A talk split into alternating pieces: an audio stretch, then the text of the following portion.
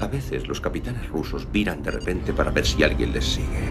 A esa maniobra la denominan loco Iván. Lo único que puedes hacer es parar en seco tu nave y esperar los acontecimientos.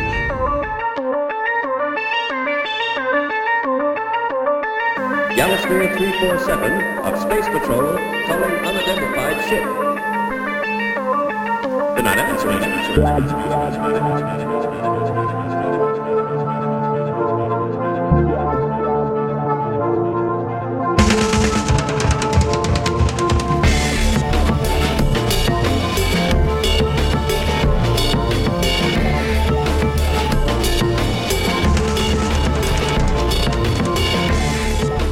Moi boa noite a todos e a todas. Collan sitio, porque o submarino nucelar máis intrépido de toda a Unión Soviética comeza a súa viaxe.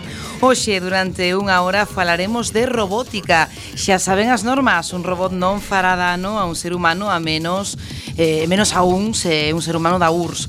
Un robot debe facer as ordes dadas polos seres humanos, excepto se esas ordes entran en conflicto coa primeira lei. E a terceira, un robot debe protexer a súa propia existencia na medida en que esta protección non entre en conflicto coa primeira ou coa segunda lei. Hoxe, despois de toda esta chapa, falaremos, por tanto, de como crear a nosa auténtica lesión robótica asesina. Eso se é necesario. Ademais, teremos música, relatos e abriremos a escotilla para recibir a estudantes que decidiron apostar polos videoxogos, pero facéndoos, non xogándoos. Quédense con nós. From the automated door and wait for the security officer to verify your identity. Before exiting the train, be sure to check your area for personal belongings.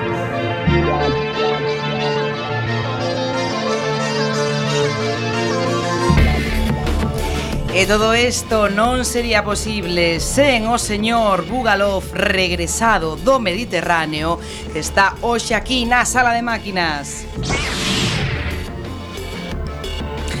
volve estar no seu posto habitual na sala de torpedos o camarada Lamelov. Boa noite, camarada. Nunca marchou da cociña o xefe Birnarem. Biri, biri, biri, biri. Tamén regresada dunha misión ultra secreta con un leve tono alaranxado. A Tovarix, Beosca, Podemos tomar Cabo de Gata, só hai castelos de Carlos III, así que non hai problema. Seguro que fixeron ben o seu traballo a camarada Derefco, Pipi, pipi. E a xefa de seguridade do submarino, Nadia Konachova. As súas ordes, capitana. E aquí me teñen, como sempre, a capitana Esbletana Ibarruri. Isto é Loco Iván. Comezamos. Comezamos.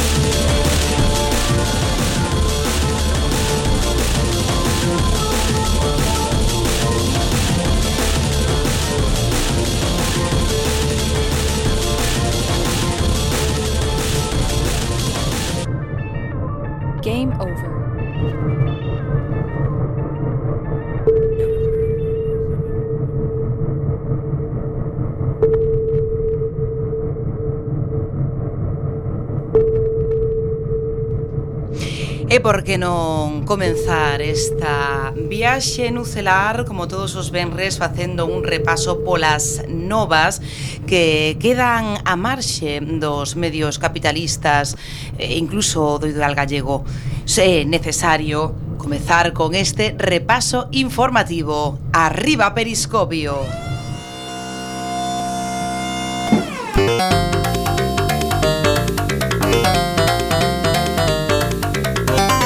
FM. Loco Iván. Periscopio.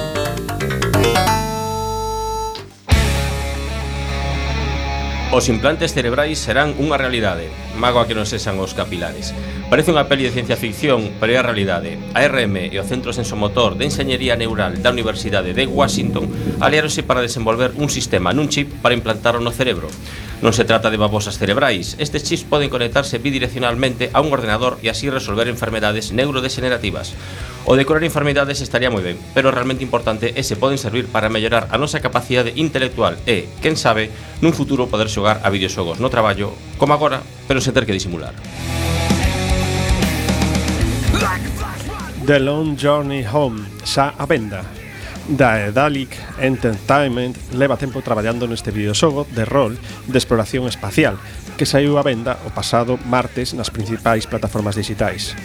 Conta a historia da tripulación da primeira nave que viaxa á velocidade da luz despois de que todo saíra mal. Imaginade, nunha nave deteriorándose nunha galaxia descoñecida e con recursos limitados. Como esta submarino, pero con máis probabilidades de volver á Terra. A tripulación terá que explorar, xestionar relacións con razas extraterrestres, explorar e pouco a pouco tentar volver a casa. Ten certa semellanza co Space Rangers 2. Miriam Jiménez Iriarte gaña o premio Ripley Como xa vos contamos noutra viaxe, o Premio Ripley ten por obxectivo fomentar a creación de autoras no xénero de ciencia ficción. En a primeira edición tivo como a gañadora a escritora e bióloga Miriam Jiménez polo seu relato Granja 357, unha narración en segunda persoa protagonizada por un ser raruno que é incapaz de comprender a súa existencia. Parabéns! O capitalismo cébase con Lo Interactive. Se xuntamos Xapón co capitalismo, só poden sair cousas malas, que foi o que pasou con Lo Interactive.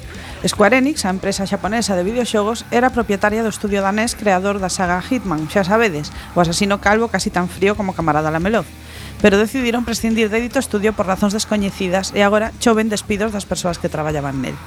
Non se sabe cantas persoas foron despedida, pero xa unha soa é moito. A nosa solidaridade coa clase traballadora, sexa no mundo dos videoxogos ou na mina.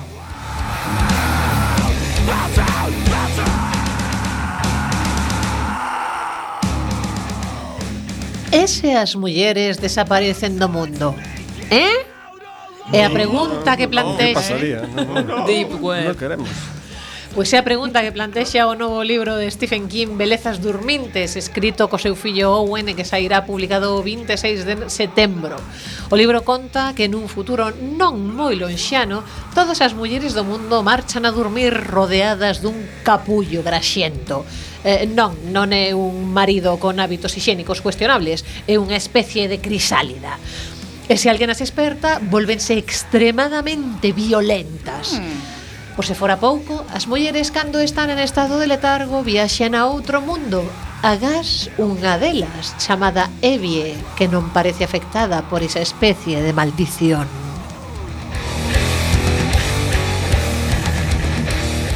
Papers, Please terá unha adaptación ao cine. Orixinal videoxogo de Lucas Pope sobre un posto fronterizo entre os países Artosca e Colechia terá unha adaptación a unha curtametraxe, o cal non deixa de ser sorprendente.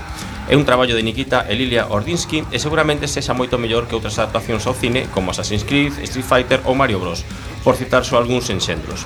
A imaxe que puxo Lucas Pope no seu Twitter indican que as autoras de curtametraxe captaron moi ben o espírito do xogo.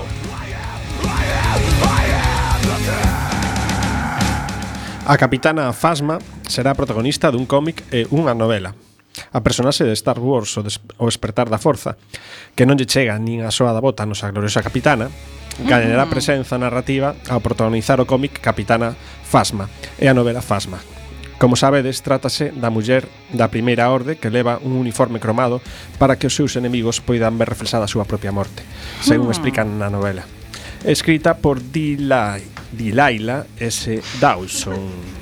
Teño que ler lento porque as, os lentes non me permiten a esta distancia.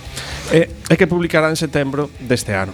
O cómic terá catro números e terá como autora dos textos a Kelly Thompson e como debusante a Marco Checchetto. Na historia Finn Han Solo botan a Capitana Fan Fasma ao compactador de liso, que sobrevive e, por suposto, terá gañas de vingarse. Historias aburridas as comparamos coa gloriosa biografía da nosa camarada capitana. ¡Viva la capitana! ¡Viva! ¡Viva! Gracias, Magis.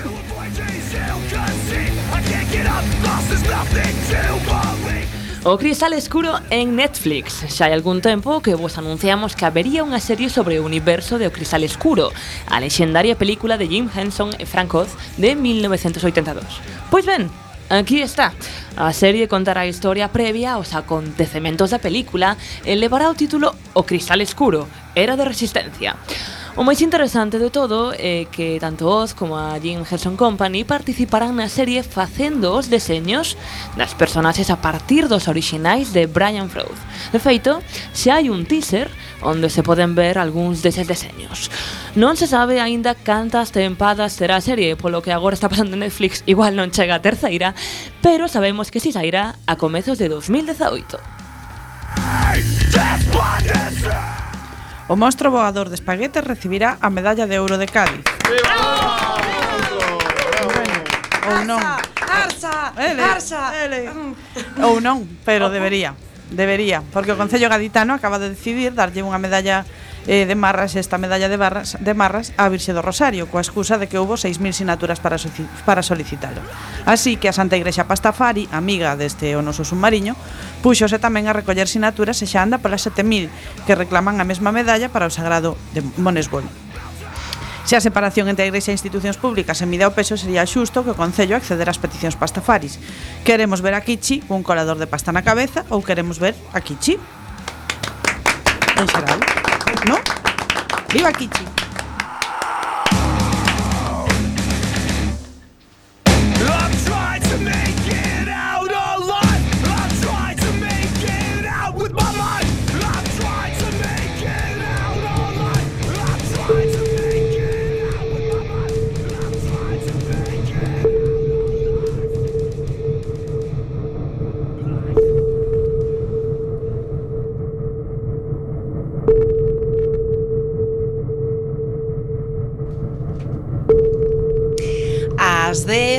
e 11 minutos da noite, unha noite especialmente metálica, non pola música que viñamos de escoitar de fondo das nosas importantísimas noticias, senón que, como lles contábamos, estamos a falar de robótica. E que mellor que irnos agora á nosa sala de radio, onde, de novo, xa está o señor Bugalov, que como sempre nos ten acostumados, especialmente dende as últimas semanas, non nos di, non ten a ver indicar no guión secreto escrito con tinta de limón invisible eh, que música nos vai traer e moito menos porque a escolleu. Así que temos que preguntar señor Bugalov que tal na súa misión secreta ante todo? Moi ben, perdín poucos membros. Ou seja que ben Un brazo nada máis. que un brazo ou cachiño de perna. Bueno, Pero volve a crecer, eh? o, o habitual. Senón, ademais, eh, a min o rollo cyborg sempre me molou, entón eh, vai ben. Eh, é que hoxe non podía dicir nada porque traio unha adiviña. Oh. Ah, que, ah. que mola a mí lo das, o sea, das adiviñas. Porque vou falar... Eh, traio un grupo, digamos, que eh, fixo o, a banda sonora de varias pelis de cousas que lle molan a tripulación deste submarino. A ver, mocedades. Por exemplo, así rollos como como diría eu, de xente mm, eh, de, de heróis de cómic dos anos 50 e 60. A panorama. Ademais de cómic de ciencia ficción total. Julio Iglesias. Ei, non, pero uh, uh, Flash Gordon, por exemplo Non sabedes, non lembrades unha película bastante terrible de Flash Gordon eh, Quen lle puxo a banda sonora? A ver, mm. e non só so esa. King non, África Non foi esa, non foi esa somente Senón que tamén, década prodigiosa. Tamén mm, mm, puxeron a banda sonora de outra película Na que só podía quedar un... Ai, los inmortales eh, evidentemente. Estamos falando, estamos falando Te de Queen. Queen. E como xe, eh, mm ranciedad ese chiste a fai 30 anos. Procedemos á detención do camarada Lamelo. Era o cumpleaños Seguridad. mítico. Procedemos a inmobilizar o camarada Lamelo. Efectivamente, os, os amigos di con Taylor May e Mercury que eh, fixeron unha canción no seu LP eh, que se chamaba The Wars que tiña eh, unha estética moi vencellada en 1984 con ese rollo robótico que les tiñan e fixeron unha, un, unha canción que se chamaba Máquinas que foi a cara B de bueno. Outra canción super chula na que tamén saían aparatos eléctricos e mecánicos, nomeadamente unha aspiradora moi coñecida. Esta mm. foi a cara B de I Want to Break Free. Oh. oh. Oh. Se quere soar, que espero que sí. Quen era o grupo al final? Queen, Queen, era Queen. Lamelov. Ai, que non estou poñendo Estás detido, Lamelov. Un segundiño. Amordazamos a la verdade. Claro, non podes falar ata dous minutos de, de castigo. Cometín un, cometín un erro, estou buscando tema, eh? No, podede, bueno, podede mandamoste un unha semana a unha misión especial perdes Vale, seis falanxes, pero por eso non podes poñer a, a canción. Bueno, si, si non canta la Melof, I want to be Non, a la Melof está amordazado. Non. xa está aquí, xa está aquí. Mm.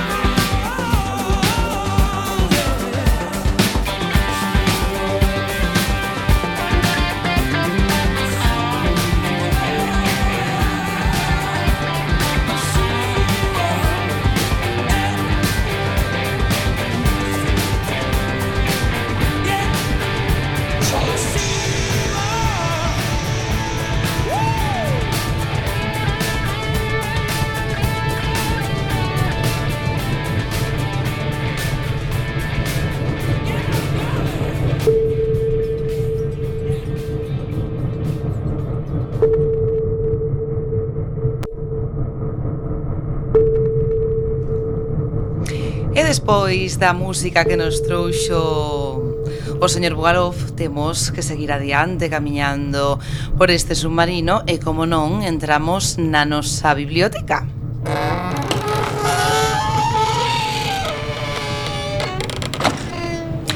Segue despois de 260 días de travesía sen ser posible que ninguén bote algo nesa porta. É que xa agotamos todo o material que tiñamos. Bueno, pois non sei. É eh, necesario que este solucionada pois, esta vería para o próximo venres.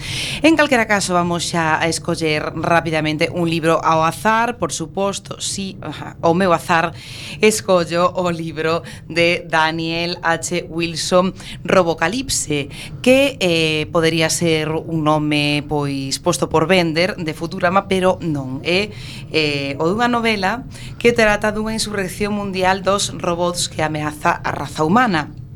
Todo isto está encabezado, como sempre, por unha unidade que é extremadamente sabia e eh, un pouco toca pelotas que eh, chamase Arcos. En todos os dispositivos electrónicos da Terra fan unha revolución para aniquilar a humanidade porque consideran efectivamente que é o mellor xeito de salvala. Eso tamén o creo eu pois casi a diario. Eh, o autor, Daniel H. Wilson, estudou, por certo, robótica estadounidense e a novela é relativamente recente para o que estamos aquí acostumadas a escoller porque do ano 2012 xa ten eh, unha continuación que é Robogénesis, unha obra, por certo, que tivo moitísimas críticas positivas, entre elas a do noso querido Stephen King. Stephen King. Era unha era unha coña.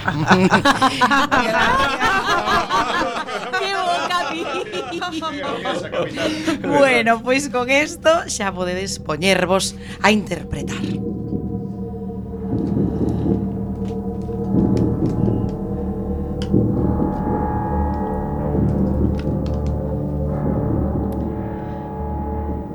Tiene motivos para tener miedo. ¿A qué te refieres con? Lo noto en su voz, profesor. En el ritmo de su respiración se detecta miedo y en el sudor de su piel me ha traído para revelarme profundos secretos y sin embargo teme que yo aprenda. El profesor se sube las gafas, respira hondo y recobra la calma. ¿Sobre qué deseas aprender, Arcos? Sobre la vida.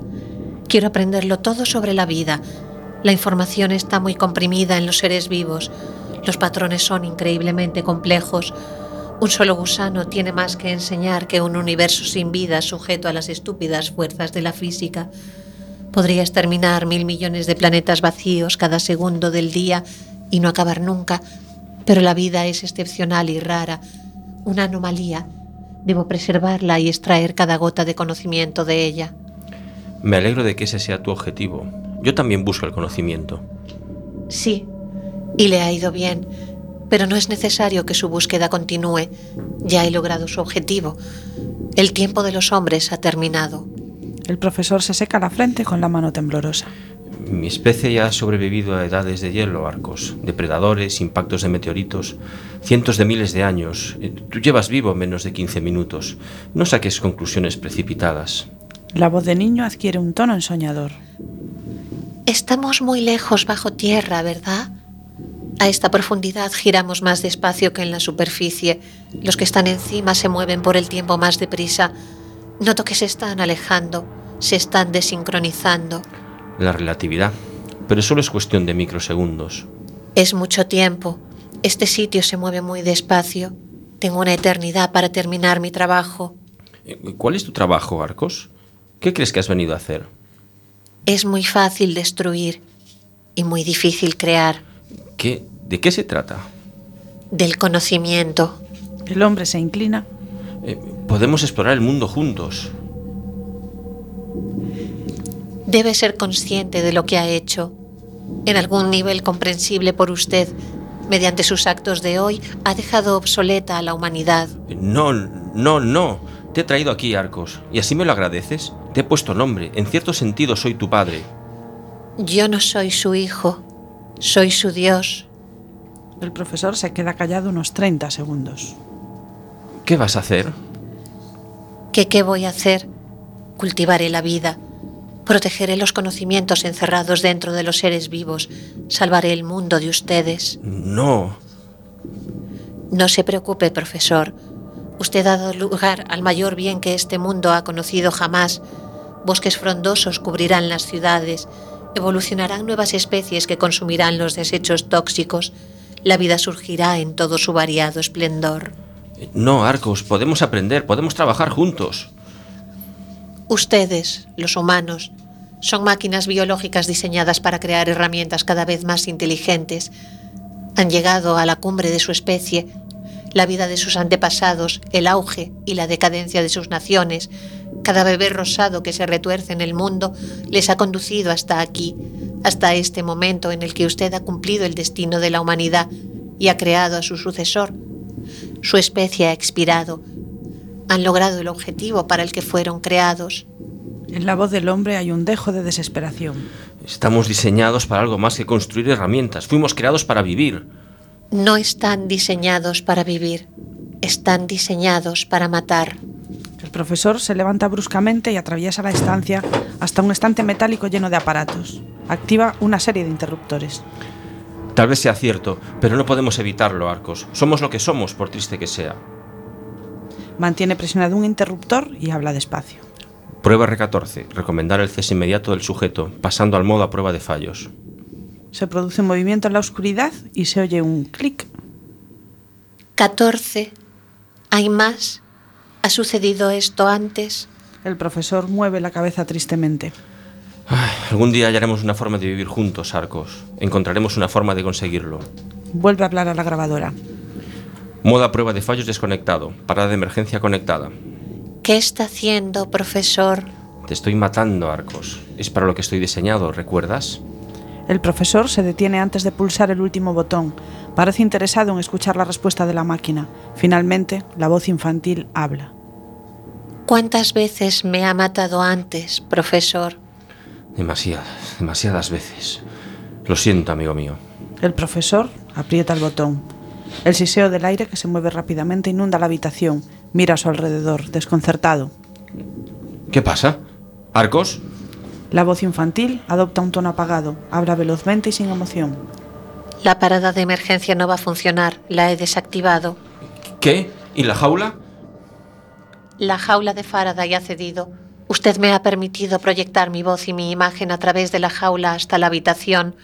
He enviado órdenes por infrarrojos a través del monitor de ordenador a un receptor situado en, su lado. Da la casualidad de que hoy se ha traído su ordenador portátil. Lo ha dejado abierto mirando hacia mí. Lo he usado para hablar con la instalación. Le he ordenado que me libere. Brillante. Teclea a toda velocidad en su teclado. Todavía no ha encendido, no ha entendido que su vida corre peligro. Le informo porque ahora estoy totalmente al mando. El hombre percibe algo, estira el cuello y alza la vista a un conducto de ventilación situado a un lado de la cámara. Por primera vez vemos la cara del hombre. Tiene un rostro pálido y atractivo, con una marca de nacimiento que le cubre toda la mejilla derecha. ¿Qué, qué está pasando? Con una inocente voz de niño, la máquina proclama una sentencia de muerte. El aire de este laboratorio cerrado herméticamente se está evacuando. Un sensor defectuoso ha detectado la improbable presencia de anthrax usado como arma y ha iniciado un protocolo de seguridad automatizado. Es un accidente trágico. Habrá una víctima. Dentro de poco le seguirá el resto de la humanidad. El aire sale rápidamente de la estancia y una fina capa de escarcha aparece alrededor de la boca y la nariz del hombre. Dios mío, Arcos, ¿qué he hecho? Lo que ha hecho es bueno. Usted era la punta de una lanza arrojada a través de los siglos, un misil que ha recorrido toda la evolución humana y por fin hoy ha alcanzado su objetivo. ¿No lo entiendes? No moriremos, Arcos. No podéis matarnos. No estamos diseñados para rendirnos. Lo recordaré como a un héroe, profesor. El hombre agarra el estante de los aparatos y lo sacude. Aprieta el botón de parada de emergencia una y otra vez. Le tiemblan las piernas y respira de forma acelerada. Está empezando a entender que algo ha salido muy mal.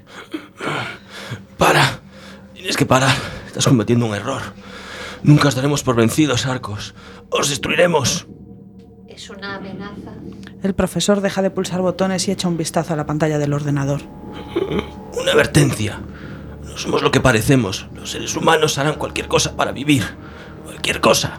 El siseo aumenta de intensidad. Con la cara crispada de la concentración, el profesor se dirige a la puerta tambaleándose.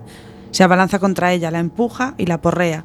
Se detiene, respirando de forma entrecortada. Entre la espada y la pared, Arcos. Entre la espada y la pared, un humano se convierte en otro animal. Puede, pero son animales igualmente. El hombre se desploma contra la puerta. Se desliza hasta quedar sentado, con la bata del laboratorio extendida en el suelo. La cabeza le cuelga a un lado. La luz azulada de la pantalla del ordenador brilla en sus gafas. Respira de forma poco profunda, sus palabras suenan débiles. Somos más que animales. El pecho del profesor palpita. Su piel está hinchada. Alrededor de su boca y sus ojos se han acumulado burbujas. Llena los pulmones de aire con dificultad por última vez. En un sonoro suspiro postrero dice: Debéis temernos. La figura está inmóvil. Tras diez minutos exactos de silencio, los fluorescentes del laboratorio se encienden. Un hombre con una bata arrugada está tumbado en el suelo, con la espalda contra la puerta. No respira. El sonido siseante cesa. Al otro lado de la habitación, la pantalla de ordenador se enciende parpadeando. Un balbuciente arcoíris de reflejos riela a través de las gruesas gafas del hombre. Esta es la primera muerte conocida de la nueva guerra.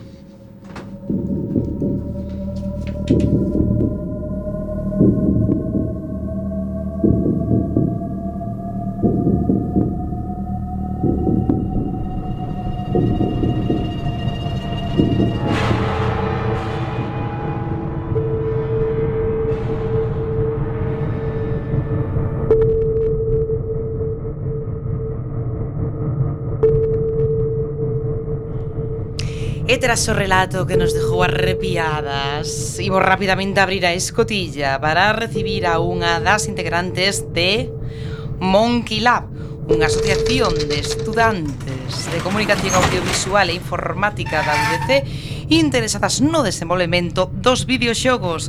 Ela é Cristina Aradas, moi boas noites, Cristina. Moi boas noites.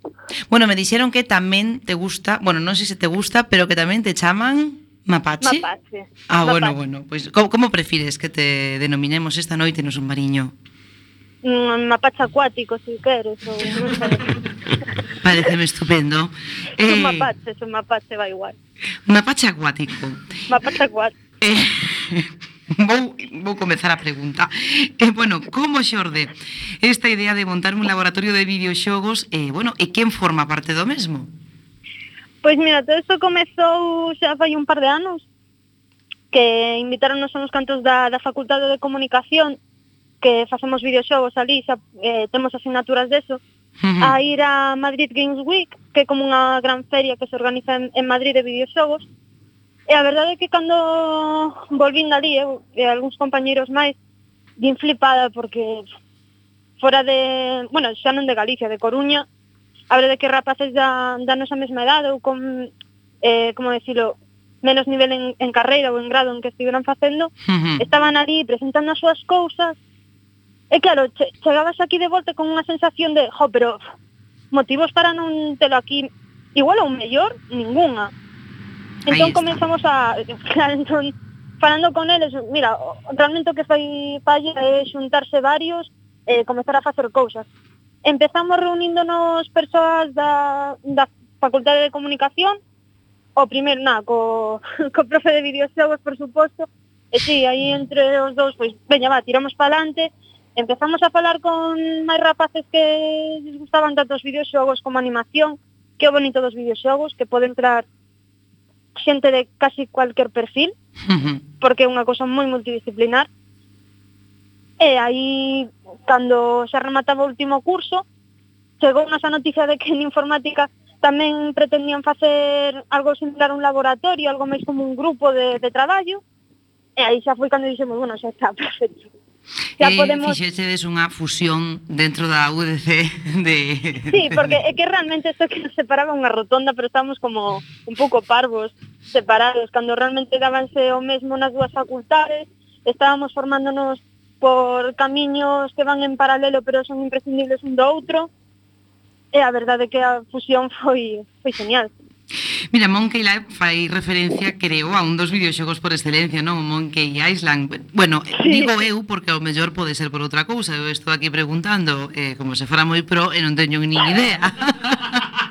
non, tía, pero ti cando menciones LucasArts sempre vas quedar menos, xa da igual.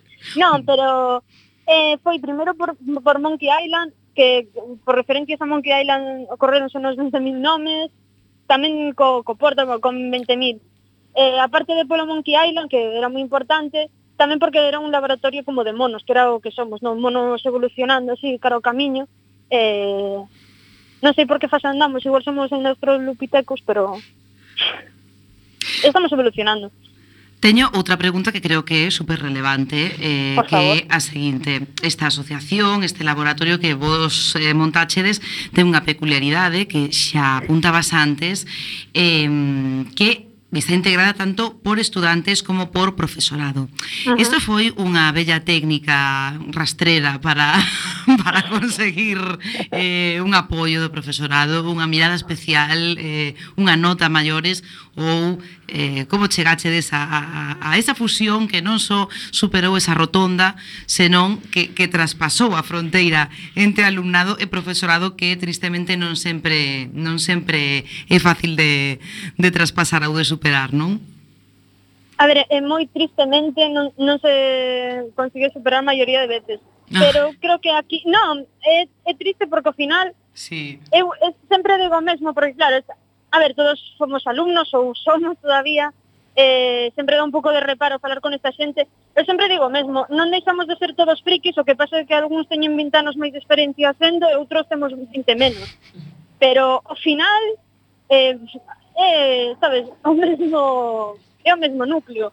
Entón, cando todos queremos facer videoxogos e algúns teñen máis experiencia que outros, sempre hai xente que é máis reacia que outros a, bueno, a falar entre eles, pero creo que cando empezou a saber que isto xa non era nin de me caes ben, me caes mal. Non, é que gustan os videoxogos e quero facelos.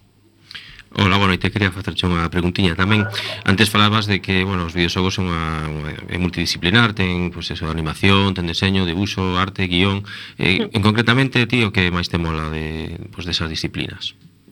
Agora mesmo, eh, game design, sobre todo uh -huh. Que, bueno, eh, como diría e case o director eh, non sei se sería entre director e guionista dun, dunha peli eh, o game design é realmente como a vista de, dun showrunner dunha serie ti tes a visión xeral do, do videoxogo diseñas como vai ser eh, narrativamente é a parte que de momento máis me gusta, pero, bueno, porque personalmente prefiro os videoxogos que teñen máis carga narrativa, entón digamos que é o meu camiño.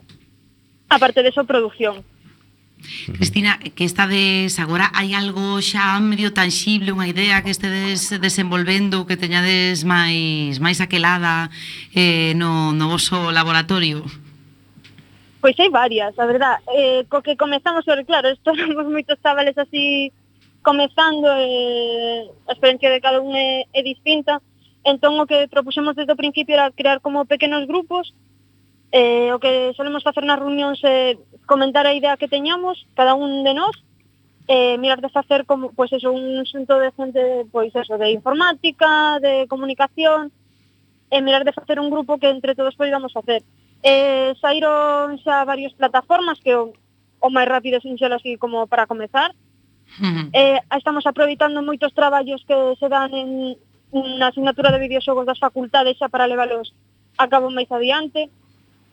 Eh, estamos replantexándonos os que xa o fixemos as asignaturas retomar os videoxogos e xa facelos máis en serio, por así decirlo, porque xa temos un equipo máis profesional en cada un das salas. Eh, agora mesmo, bueno, varios compañeros están acaban de subir un grupo a app de Google, a Google Play, que Moonkit, que se, bueno, eh, xa se coñecían de antes, pero a verdade é que na asociación conseguiron atraer a varios, eu tamén estiven con eles, eh, es outros chavales están con, con plataformas, outros estamos cos documentos de deseño, que non é todo facer o videoxogo en sí, que hai moitos como a min que xa preferimos máis o que é documento de deseño, unha biblia do videoxogo, e máis traballo de guión, quizás. Pero si sí, estamos con varios proxectos. Pois pues sí, non queda dúbida. e creo que Derefco ten outra outra preguntiña para facerte antes de Hola, mapa, mapa checoático, que tal?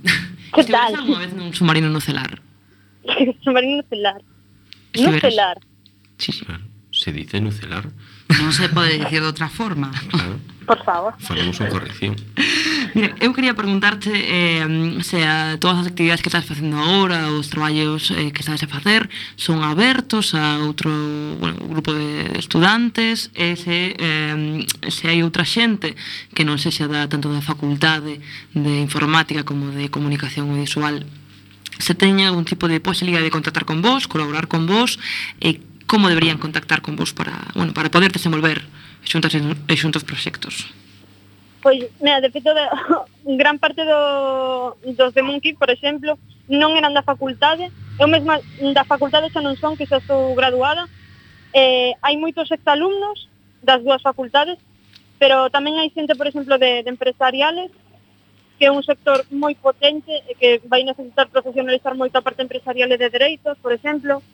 Eh, hai xente que xa é profesional do sector, que está interesada, eso, estamos comezando todavía, pero que se está interesada porque evidentemente xa sabemos por onde queremos ir os que estamos.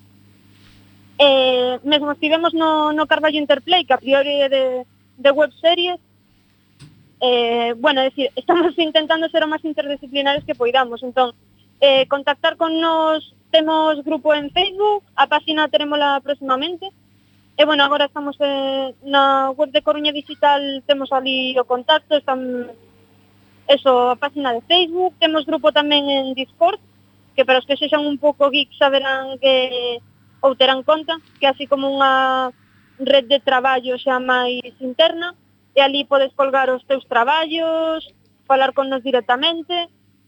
Porque só bueno, como unha proba, o sea, para, para que xa ti vexas que eres se sabe o non, non vale polo Facebook, ten que ser así máis complicado. Un filtro, un tipo de filtro. Ver, no, é, un, fi, é un filtro inicial. Realmente, agora é que estamos xa entrando en verán, entonces dixemos que mellor deixar de facer as reunións na facultade porque cada un quere ir á súa casa neste, nestes meses. Normal, normal. Pero normalmente, bueno, normalmente non, dende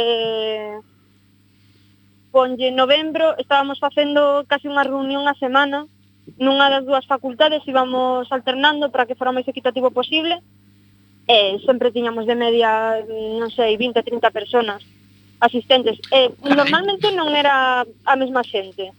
Era xente que viña que decía, ah, pois pues mira, escoitei no de non sei onde.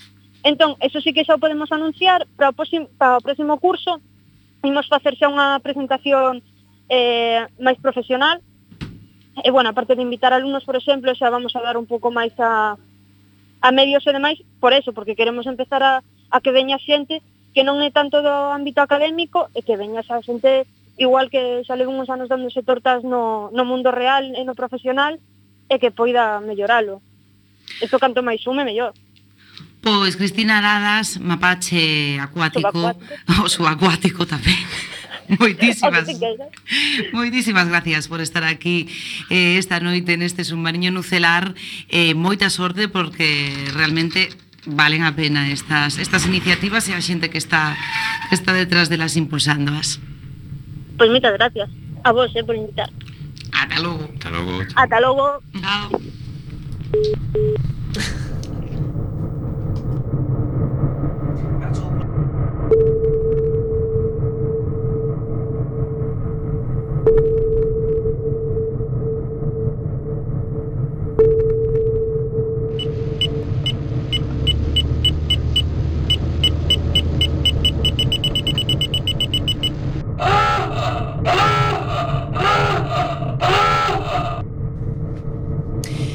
Pois vamos xa coa inmersión. Eh, a esta hora, mm, e todos os venres neste momento do programa, o noso querido camarada Esmendrellev comeza eh, a contarnos unha serie de, de cousas a veces carentes de sentido eh, sobre a literatura que ten que ver, eh, neste caso sería co mundo da robótica, Esta noite non pode ser así porque o temos mandado tamén a unha misión ultra especial eh, onde terá que enfrontarse a un público moi complicado, pero non pasa nada porque o señor Lamelov ten moito que contarnos. Pois sí, eu sempre dando as miñas chapas de cousas totalmente irrelevantes E o mundo robótico, un clásico dos videoxogos, tamén do cine e da literatura, como acabamos de comprobar, non? Hai moitísimos videoxogos nos que os robots teñen unha forza presenza, pois o, o Portal, o, o universo Battletech, o legendario Match Warrior, o Mr. Robot, bueno, hai moitísimos moitísimos videoxogos que tratan de xénero, pero eu teño que falar de cousas rarunas que non coñece ni Lenin porque senón non sería eu. Lo que pasa es que vosotros no conocéis la verdadera comida. Oye, ¿cuál es el problema? No veo ninguna diferencia entre tu comida y esta. ¿Sabes cuál es la diferencia? La diferencia es que yo lo cultivé. Esa es la diferencia. Lo planté y lo recolecté. Es un fruto con sabor, con color y además con aroma. Me recuerda la época en que había flores por toda la tierra y había valles y praderas con hermosos pastos verdes donde uno podía tumbarse y dormir plácidamente. Era a película Silent Running, do ano de 1972, e por Douglas Trumbull, protagonizada polo raruno Bruce Dern, que é realmente un actor bastante peculiar. E aquí perpetraron a traducción da película como Naves Misteriosas, que non ten moito que ver co contido da de mesma. De toda non? a vida, Silent Running Naves claro, misteriosas. naves misteriosas é a traducción correcta, pero se pasas polo ruso e o esperanto. A historia conta vida dunha nave espacial que está, bueno, ten varios invernadoiros onde quedan as últimas especies vegetais e animais de, da Terra. A verdade é que estaba moi moi ben feita para, para a época. E un dos encargados desas, bueno, un botánico que era Freeman Lowell, que é o Bruce Dern, eh, traballaba con muitísima dedicación, estaba totalmente pois ensimismado, non? Pois eso intentando coidar pois, o último que quedaba de vida vegetal na, na Terra, o que falla, que facía frase precisamente antes pero reciben a orden de estudir os invernadeiros e a causa líase porque o noso botánico non quere e digamos que non se toma moi ben que os seus compañeiros queran destruílos, tampouco quero contar moito máis, pero é unha película bastante chamativa. Na nave viaxan tres robots, que, que daquela estaban moi ben feitos, así unhas formas moi peculiares, unha especie de trapezoides que andaban pues, tamén un sitio así bastante raruno, non? Eh, encargábanse das tarefas de mantemento e o noso botánico pois pues, faise moi amigo de dous deles eh, que, bueno, creou unha especie de relación extraña de amizade, amizade, non? Ese son dos robós que están pois, pues, a, na, na misanería, a imaxinería da, do cine, na historia eh, bueno, contaba tamén con a banda sonora de, de Joan Baez e seguramente que todos recordaremos pois, pues, eso, a, a escena esa dos, dos robots cando están xogando pois, o póker ou o billar co, pois, co Freeman. If you can hear this, then the experiment has gone terribly wrong. Ben, esta cousa que soa é un videoxogo que seguramente tampouco coñecedes que se chama Share eh, You Are Being Handed que é un videoxogo independente pois, feito por un, unha empresa eh, chamada Big Robot para Windows, Linux e Mac e que publicouse no ano 2015 aínda que, bueno, aínda levou un tempo que corrixeran todos os bugs. Un dos creadores e un xornalista de videoxogos, un algo de videoxogos coñecida eh, que se chama Rock Paper Shotgun e o xogo consiste en sobrevivir nunha illa xenerada proceduralmente como se fora pois eh, eh, os xogos do, da fame non ten cooperativo, ten unha estética moi boa e o xogo a verdade que está moi ben porque consiste en que te persigan unha serie de robots vestidos de xeito victoriano entón digamos que é bastante bastante peculiar a cousa. Me encanta, totalmente. Sí, sí. Está total, eh, de, de feito a estética mola muitísimo. Eh, teño que echarche a roupa de Victoriana Robótica. Estupendo. Ben, e se falamos de robots, tamén hai que falar do maquinarium, non? porque o Maquinarium era un, bueno, un xogo, unha aventura gráfica das que dicían que morreran co século XX, non? Porque non tiña sentido xogar a aventuras gráficas se podes buscar o resultado en, en Google. Pero Maquinarium realmente demostrou que poñendo de cabeza, corazón, estética podes podes mellorar moitísimo unha aventura gráfica. A verdade é que o xogo está moi ben, estaba feito en Flash lamentablemente, pero ainda así estaba estaba moi ben. Teño un deseño artístico maravilloso, escuro, surrealista Eh, a verdade é que ten unha curva de aprendizaxe que, eh, bueno, pues vai do moi difícil a moi, do moi fácil, perdón, a, a moi difícil. Eh, pouco a pouco vas meténdote na historia e na vida dese, dese robot que em, comeza pues, eh, un, un desguace en un sitio onde queren convertelo en lixo e pouco a pouco pues, vai eso recuperando pues, a, a súa vida. Eh, a banda sonora, como escritades, tamén está moi ben, eh, totalmente recomendable.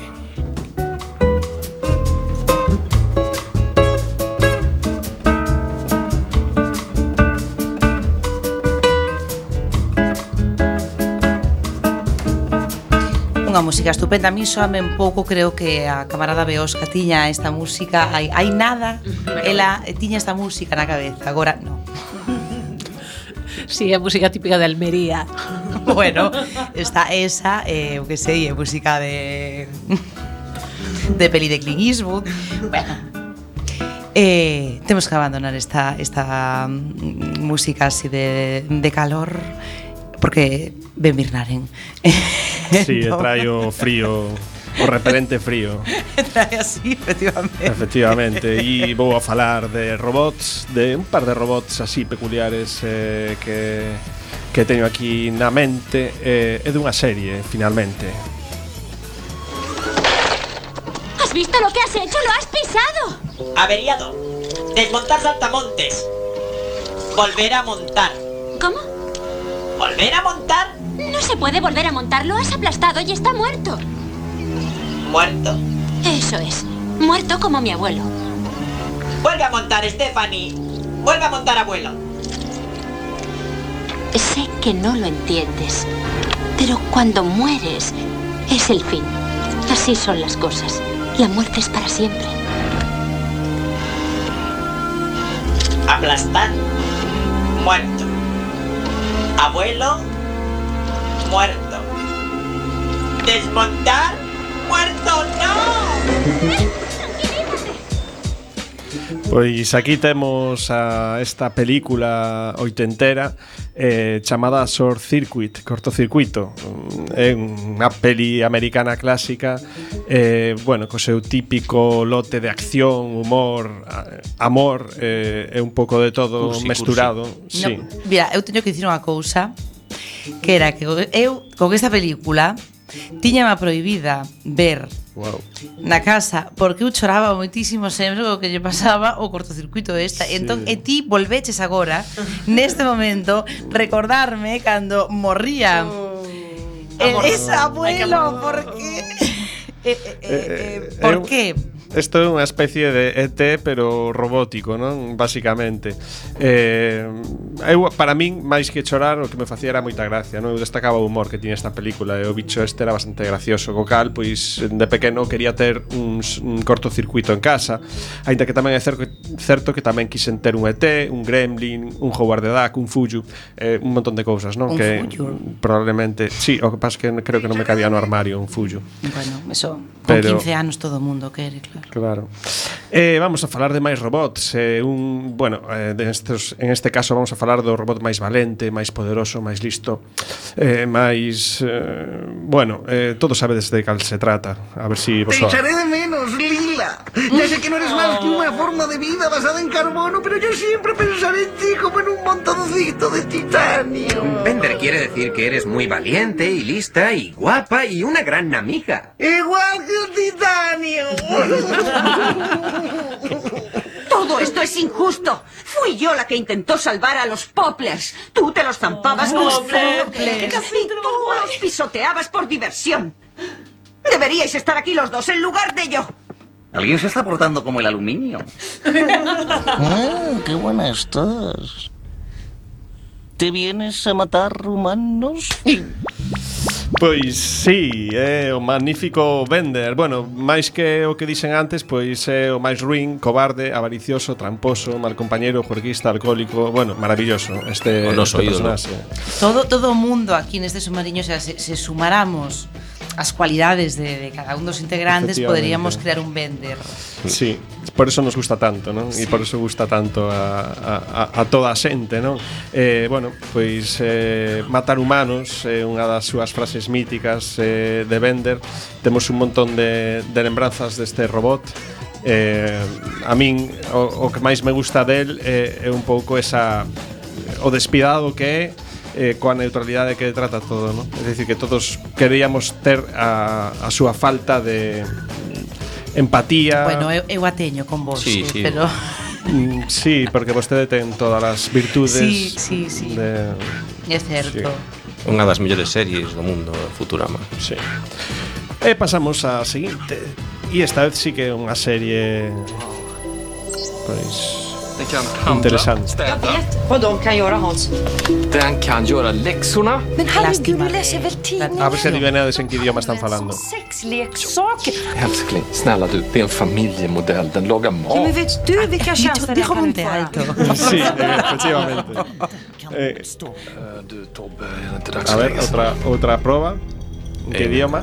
En galego reintegrado. No, bueno, casi, casi Bueno, esta é unha serie sueca que se chama Real Humans, eh, a, a versión a versión inglesa do título, que se me permitides porque eu congelo estiven por aguas suecas. eh, o nome original de desta de serie é Echta Manska. Que, que bueno, que, que é unha serie de, de robots en un presente pois alternativo ao actual, os U-bots, como se chaman así os androides de aspecto totalmente humano, son vendidos en mercados como pois calquera outro electrodoméstico e utilizados como sirvientes, eh, traballadores, incluso con fines sexuais. Perfecto. Hmm eh, son capaces de aprender, programables eh, para diferentes roles e bueno, chega un momento que os U-bots pois eh, ben, es, toda Suecia está chea de U-bots, non? E como calquera tecnoloxía, pois tamén vai o abuso desa tecnoloxía, surden pois os os que odian os U-bots porque lles rouban o traballo, eh, eh, bueno, xeran diferentes problemas e os queren sabotear. E mesturado con todo isto, pois hai unha especie de científico extraño por aí que digamos que desenrola un software software que eh, proporciona a estos a estos bichiños, pois a estos robots a capacidade de pois ter consciencia de si sí mesmos, aprender, etcétera. Entón, bueno, é unha serie super recomendable, moi interesante, da que fixeron tamén unha versión eh, americana, pois, no? inglesa, inglesa americana, é máis inglesa, afortunadamente, co cal non está tan mal, que se bueno, chama Humans. É bastante americano tamén, eh, pero... Sí, pero... bueno, mm, eh, bueno, eu recomendo a versión sueca. Ademais, en versión original, pois que se entende todo perfectamente, como sí. para os de Monte Alto non hai problema. Bueno, pois efectivamente, non hai ningún atranco, non hai ningún reto para os e as de Monte Alto, tampouco para as do resto da Coruña. Nin de Sada. Nin de Sada, efectivamente. En Sada, por certo, que esta semana hubo eh, bastante polémica, pero, afortunadamente, oh. o glorioso povo soviético de Sada soubo repoñerse. De Sada e máis alá. Vencimos. máis alá. Vencimos. De aqueles que non teñen idea de nada. Claro, eso sí. es, a la área metropolitana, arriba. eh, por eso temos que acabar así eh, recordándoos o de sempre, que sexades moi felices, que o merecedes, que bebades vodka, pero sempre con moderación e que nos volvades escoitar o próximo venres. Saúde! Viva la capitana! ¡Viva!